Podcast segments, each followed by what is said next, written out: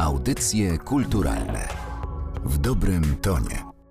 Słuchają Państwo audycji kulturalnych podcastu Narodowego Centrum Kultury. Ja nazywam się Martyna Matwiejuk, a moimi Państwa gośćmi są dziś redaktorzy naukowi publikacji zatytułowanej Symboliczne konstruowanie wspólnoty, dr Izabela Bukalska oraz profesor Rafał Wiśniewski. Dzień dobry Państwu. Dzień dobry Państwu. Dzień dobry. To jest y, praca autorstwa Antonego Coena, brytyjskiego antropologa społecznego, która po raz pierwszy ukazała się w 1985 roku.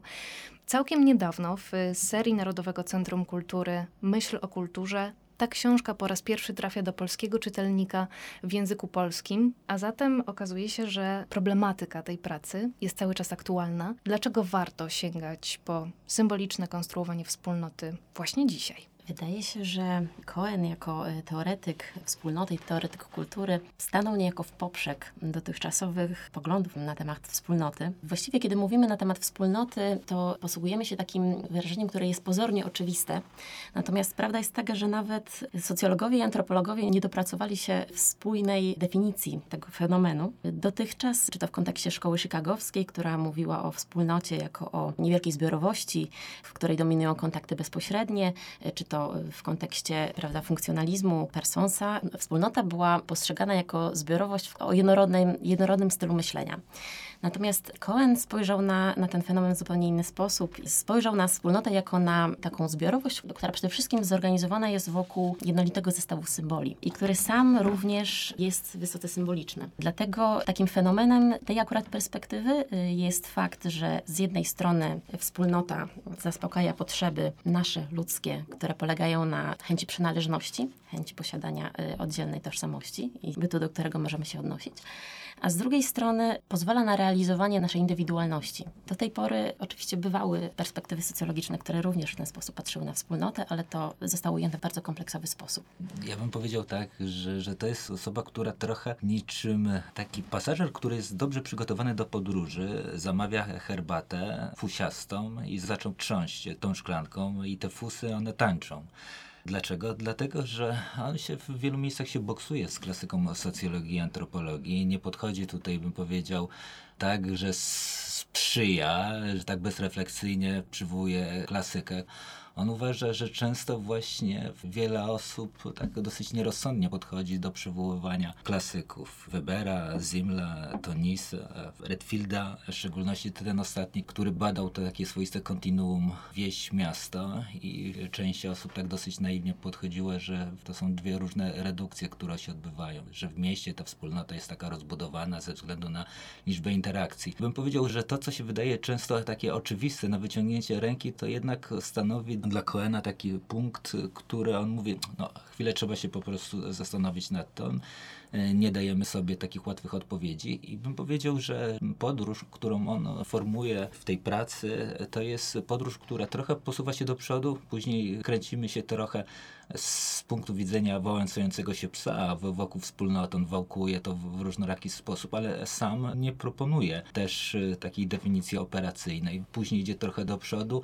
Ta książka jest, bym powiedział, przede wszystkim taką swoistą podróżą antropologiczną. Daje wiele przykładów z różnych badań i te badania umie umiejętnie wykorzystać, e, argumentując. Po drugie, to jest praca, która, bym powiedział, zgrabnie i schludnie prowadzi nas, e, czytelników, poprzez meandry wspólnoty. On klasyków wykorzystuje bym powiedział, w takiej słusznej sprawie. To nie jest naiwne. Sięga do Zimla, do, do Webera, ale również odwołuje się do osób, które stanowią współczesną antropologię. Clifforda Girca, którego przywołuje sentencję, że człowiek jest zwierzęciem zawieszonym w sieci znaczeń, które sam utknął. To znaczy, jako twórcy i otwórcy kultury, jako ciągłego procesu, jako przyjawu możliwości, które kultura daje ludziom, aby dotknąć właśnie znaczenia. Samo wspólnota, o czym mówiła pani doktor, jest pojęciem, które ma ma w sobie sprzeczności, o której pisze autor. Z jednej strony jest coś, co jest zgodne, czyli symbol znaczeń, a z drugiej strony jest coś, co je różnicuje, czyli wyróżnia w stosunku do innych. I tym elementem jest granica. Ale nie ta granica przestrzenna, granica geograficzna, granica rasy, ale to jest granica o charakterze właśnie kulturowym, która jest, bym powiedział, tą granicą, która jest gdzieś zawieszona, ale ona jest zawieszona tylko i wyłącznie przez tych, którzy w tej wspólnocie uczestniczą albo do tej wspólnoty należą. I tak łatwo jest po prostu popełniać błędy. Błędy, czy kwestia autoidentyfikacji, czy identyfikacji. Ktoś mówi, należysz do tej wspólnoty albo nie należysz. I można powiedzieć poprzez różnego rodzaju przejawy, czynności i proces, który się objawia. I tym chyba jeszcze elementem, który on tak e, przerzuca, to jest wspólnota i kwestie symboli. Jakbyśmy posługiwali się kasirerem, byśmy powiedzieli, że człowiek jest zwierzęciem symbolicznym, posługuje się symbolami. Jakbyśmy sięgnęli do Froma, pisał, że mamy trzy rodzaje tych symbolów: uniwersalne, akcendentalne i konwencjonalne. Ale u Coena nie jest to już takie proste. On mówi, że te symbole mają charakter z jednej strony jakieś uniwersum, które jest rozumiane przez wspólnotę, ale z drugiej strony on jest bardzo silnie jest indywidualizowany i że każdy może trochę inaczej po prostu jakby definiować i w wspólnocie, jak i poza tą wspólnotą. Z pojęciem granicy, o którym pan profesor mówił, wiąże się również pojęcie tożsamości, do którego na pewno dzisiaj wrócimy. W przedmowie do pierwszego wydania Peter Hamilton napisał, że wspólnota to jest wyrażenie bardzo eleganckie, choć irytująco niejednoznaczne.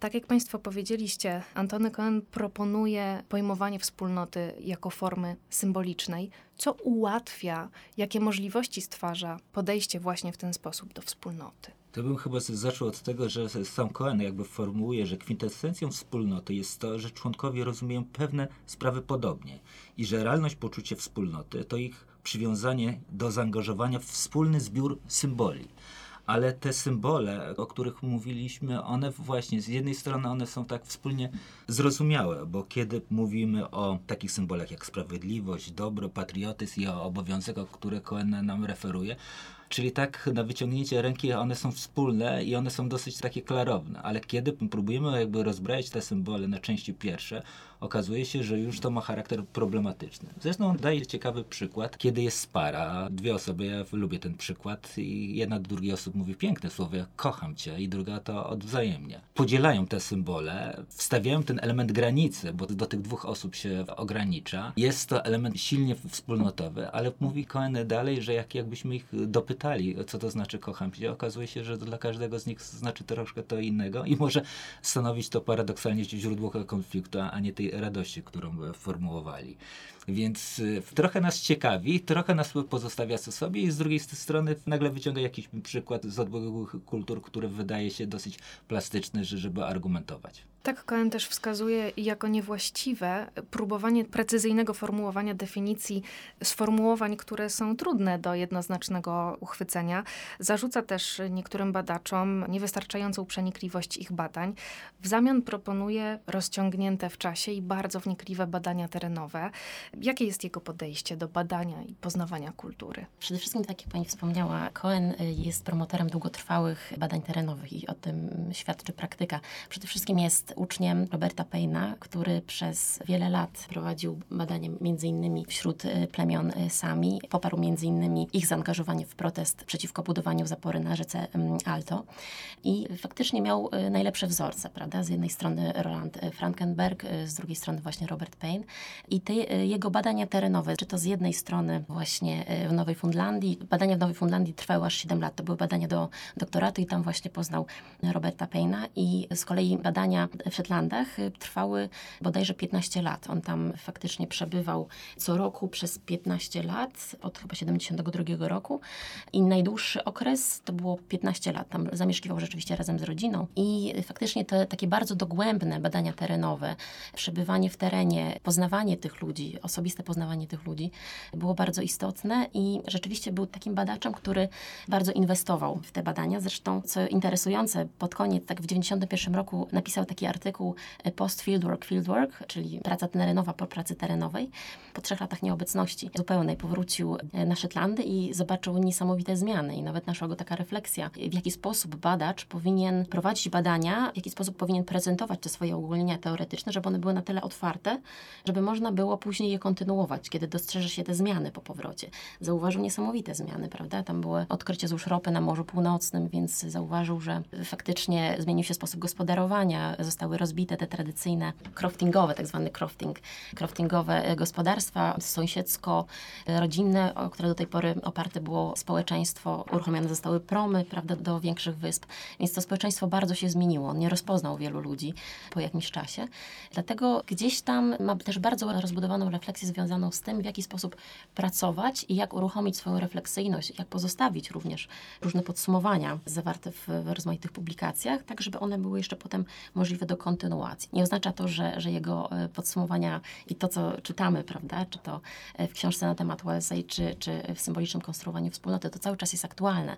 Prawda? Ta książka napisana w 1985 roku cały czas jest aktualna. Natomiast właśnie to była ta jego ciągła refleksja nad procesem metodologicznym i nad tym, jak powinien, jak powinien badacz pracować. Tam poruszał jeszcze taką kwestię dotyczącą problemu komparatystyki w, w, badaniach. Znaczy, w, jaki sposób budowanie pojęcia, które mają wyjaśniać, uważał, że one te też jakby to trochę są utrudniające. Bo jednak właśnie specyfika, to o czym jest tutaj mowa, danych kultury, jest, jest trudno, żeby określić w, w konkretne pojęcie. Czasami właśnie te systemy pokrewieństwa, które są w różnych tutaj kontekstach, to też są przywoływane. Autor mówi, no trzeba by było się głębiej nad tym zastanowić. To nie jest taka prosta i oczywista sprawa, która już wydawało się, że, że ma kwestię przesądzoną. Też ciekawie łączył antropologię i socjologię. Jednak wykorzystywał był bardzo duży aparat pojęciowy z socjologii, w szczególności ta mikrosocjologia, która mu była bliska. Ja się, ja się cieszę, że, że właśnie ten Zimal, który jest określany przez wielu jako wiewiórka socjologiczna, to, to jednak ta mikrosocjologia jest, jest dosyć istotna, w jaki sposób właśnie te relacje, które zachodzą. Więc y, problem z pojęciami, problem z badaniami, które mają charakter porównawczy, a tu antropologia już się pisze, że jest to nauką porównawczą, to nie jest tylko opis wykorzystanie właśnie tego aparatu z teorii socjologicznej, w szczególności szkoła chicagowska i, i pragmatyzm, do którego się odwołuje, ale również tak chętnie przywołuje innych współczesnych jemu, jemu badaczy, bo choćby Mary Douglas, jej koncepcja dotycząca brudu właśnie jak, jakby zarysowuje. To jest ciekawe, że, że on tak to pięknie wyciąga to, co jest u tej badaczki. To nie chodzi o kwestię tylko brudu, który można jakby zaznaczyć, że, że jest na przykład pod paznokciami, ale chodzi już do czynności, czyli od razu, że, żeby wykorzenić, żeby to po prostu zmyć. Więc fuj i zalecenie działania wyszoruj, jak jest u Mary Douglas. Więc i Girca, i Douglas. Pamiętajmy, że książka jest wydana w 1985 roku, że, że dzisiaj, kiedy my przywołujemy, to wydają się nazwiska dobrze znane, ale te nazwiska tak dobrze wtedy, wydaje mi się, że przynajmniej przyglądając się różnym pracom, one nie były tak chętnie w Polsce przywoływane, a teraz wydaje się, że, że to jest podstawą. Więc łączył też jakby zaawansowaną teorię antropologiczną z, z klasyką socjologii, która jest mu przydatna. I bym powiedział, że, że właśnie takie podejście, ono pokazuje też interdyscyplinarność perspektywy, która jest, bym powiedział, tak okraszona to po prostu tym podejściem empirycznym, które jest. Bo on cały czas właśnie studium przypadków, praca, długotrwałe badania terenowe, o których mówiła pani doktor i to jest jak jakby przywołuje i swoje badania i różnych badaczy, którzy podejmowali tą refleksję. Więc ta wspólnota, którą próbuje identyfikować i to, co jest mu bliskie, tam gdzie mieszkał i również jakby w, w obszarach, które kulturowo i badawczo one nie były realizowane przez, przez niego, są chętnie jakby przywoływane. To wielka klasa, po prostu znajomość problematyki. Dodam tylko, że chyba duszę miał jednak antropologiczną, ponieważ w pewnym momencie mówi, że bardzo się cieszy z tego, że antropologię ominęło to rozwarstwienie paradygmatyczne, które właśnie stało się udziałem socjologii, prawda? Od tego momentu, kiedy kulturę zaczęto badać od wewnątrz, nie od zewnątrz, prawda, na skutek pism Webera i, i pragmatycznych, prawda, pism Mida, no właśnie cieszę się bardzo, że antropologia zachowała jednak tą pewną spójność. Ale pozostawia niedosyt. Mówię, to nie jest tak, że, że to można po prostu sobie wziąć i od razu mówię, na pierwszych kartach jest, wszystko jest podkrywane. Cały czas podchodzi już bardzo blisko tego pojęcia, w szczególności wspólnota, symbole, granice. One są odmieniane tutaj przez przypadki, a kiedy już podchodzi, już wydaje się, że my to łapiemy gdzieś, to po prostu to pojęcie umyka nam. W kontekście tej interdyscyplinarności zapamiętałam takie bardzo ładne sformułowanie, które pojawia się w tej książce, mówiące o tym, że między naukami powinna być taka przepuszczalna membrana, która je łączy.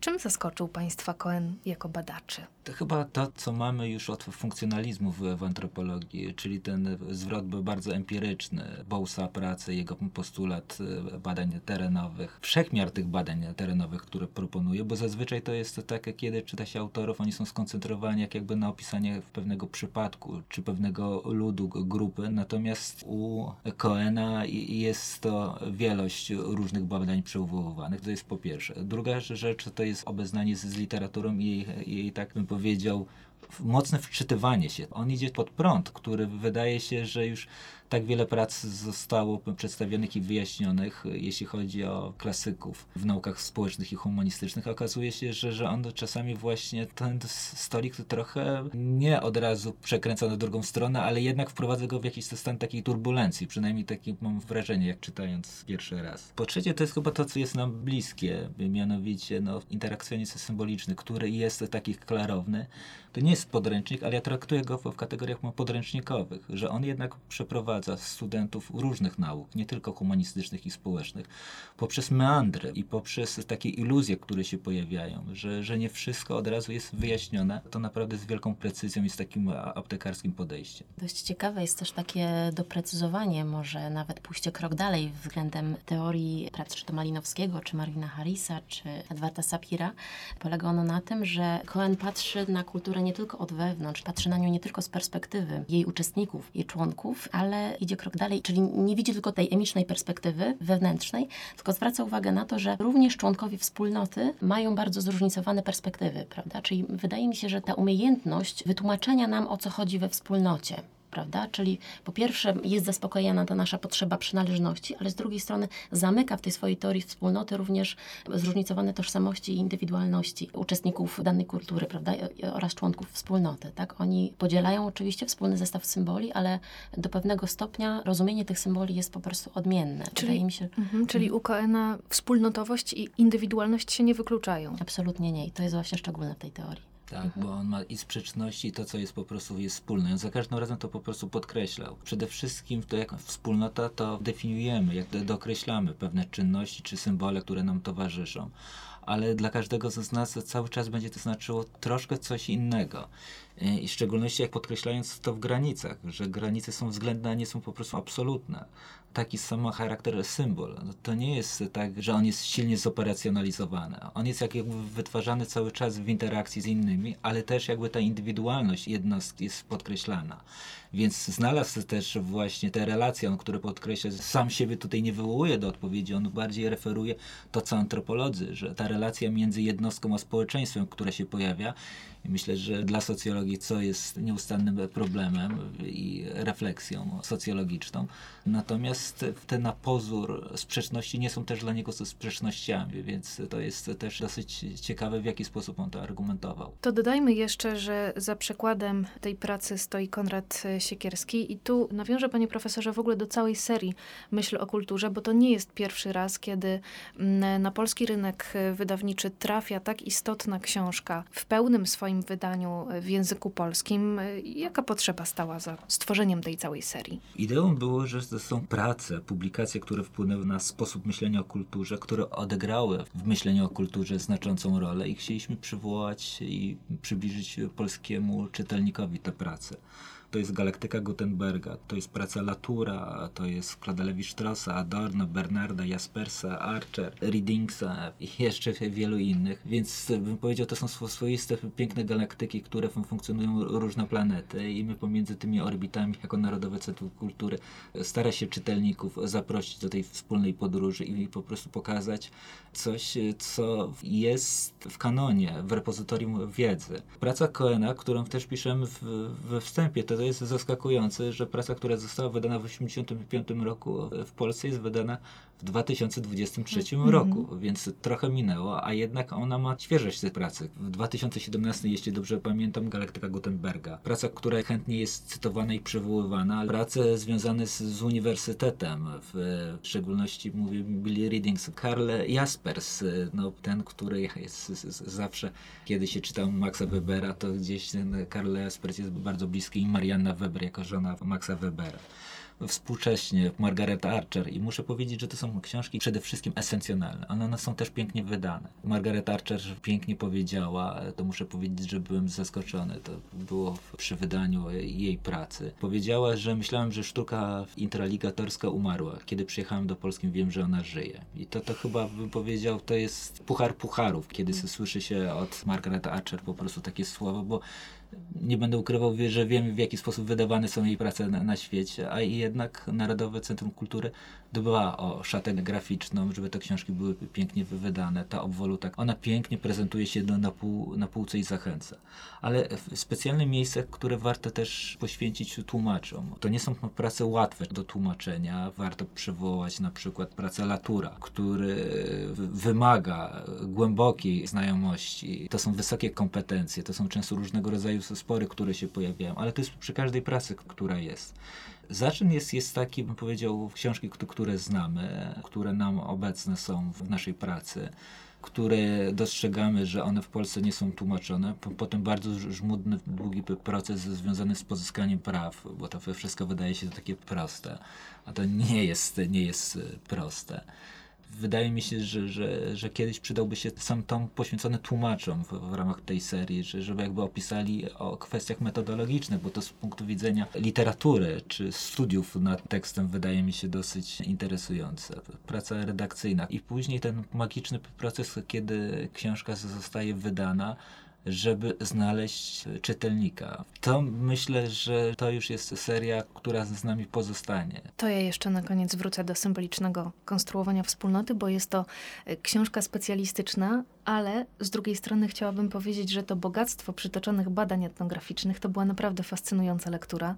Komu polecaliby Państwo tę książkę? Myślę, że przede wszystkim badaczom migracji, badaczom zajmującym się zmianą społeczną. To jest książka bardzo aktualna, ponieważ pokazuje, że nasze granice kulturowe i nasze przynależności wspólnotowe są o wiele trwalsze niż, niż struktura, niż instytucje. Czyli w sytuacji, kiedy następuje jakaś zmiana społeczna, granice, czy to geograficzne, czy to granice prawne są obalane, to cały czas istnieją w wymiarze kulturowym. I to samo ma duże znaczenie na przykład w sytuacji migracji, prawda? Kiedy te więzi wspólnotowe bądź też transnarodowe są cały czas podtrzymywane, pomimo zmiany kontekstu. Więc wydaje mi się, że to jest rzeczywiście bardzo, bardzo aktualna praca. Wszyscy ci, którzy cieszą się z interakcjonizmu symbolicznego, tak myślę, że, że nas akurat nie trzeba specjalnie przekonywać, bo to jest nasza orientacja teoretyczna, którą się posługujemy w, w pracy. Nauki humanistyczne i społeczne, to bez dwóch zdań. Tutaj można wymieniać, począwszy od antropologii i socjologii, ale dla kulturoznawstwa, dla etnografów, bym powiedział dla etnomuzykologów. Każdy naprawdę coś znajdzie dla siebie. To jest po prostu książka dla wszystkich. Dla tych, którzy są zainteresowani kulturą, chcą poznawać e, zróżnicowanie tego się świata, że nie wszystko jest takie same. Nie wszystko jest proste, jasne i oczywiste. Jest czasami jest trudne, złożone i skomplikowane że te przynależności i budowanie wspólnot to nie jest tak, że ktoś przykleja nam numerki i mówi, ty do nas należysz. Mhm. To jest zbiór, zbiór zamknięty, czy to jest otwarte. To jest w konstruktach społecznych, które jest, jest nieustannie jest negocjowane. Więc y, i dla tych, którzy zaczynają swoją podróż akademicką i dla tych, którzy są w, w trakcie studiów, myślę, że, że ta książka będzie miała swoje zainteresowanie. Nam chyba zostaje tylko to, żeby zaprosić do lektury i dzielić się komentarzami. Myślę, że, że też by był, nie mieliśmy okazji go poznać, bardzo żałujemy. Tak. E, myślę, czytając te spory, które prowadził, takie badawcze, teoretyczne, zachęca nas, żeby też zmierzyć się i pokazać, gdzie warto zastosować jakąś alternatywę, albo przynajmniej na tym się pochylić. Przede wszystkim bardzo dziękuję Koenowi za, za tą przepiękną pracę, ale też jakby otwieramy chyba dyskusję nad e, symbolicznym konstruowaniem wspólnoty. Wielka szkoda też, że gdzieś tam te prace publikacyjne zakończyły się na początku lat 2000 i właściwie teraz, o ile nam wiadomo, polegają przede wszystkim na różnych recenzjach i krótkich tekstach w Anthropology Today, ale na pewno ta spuścizna jest bardzo cenna i też zachęcamy do lektury. Symboliczne konstruowanie wspólnoty autorstwa Antonego Pola Coena to jest najnowsza pozycja w serii Narodowego Centrum Kultury zatytułowanej Myśl o kulturze.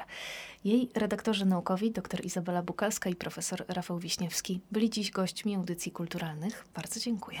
Dziękujemy. Dziękuję. Audycje kulturalne w dobrym tonie.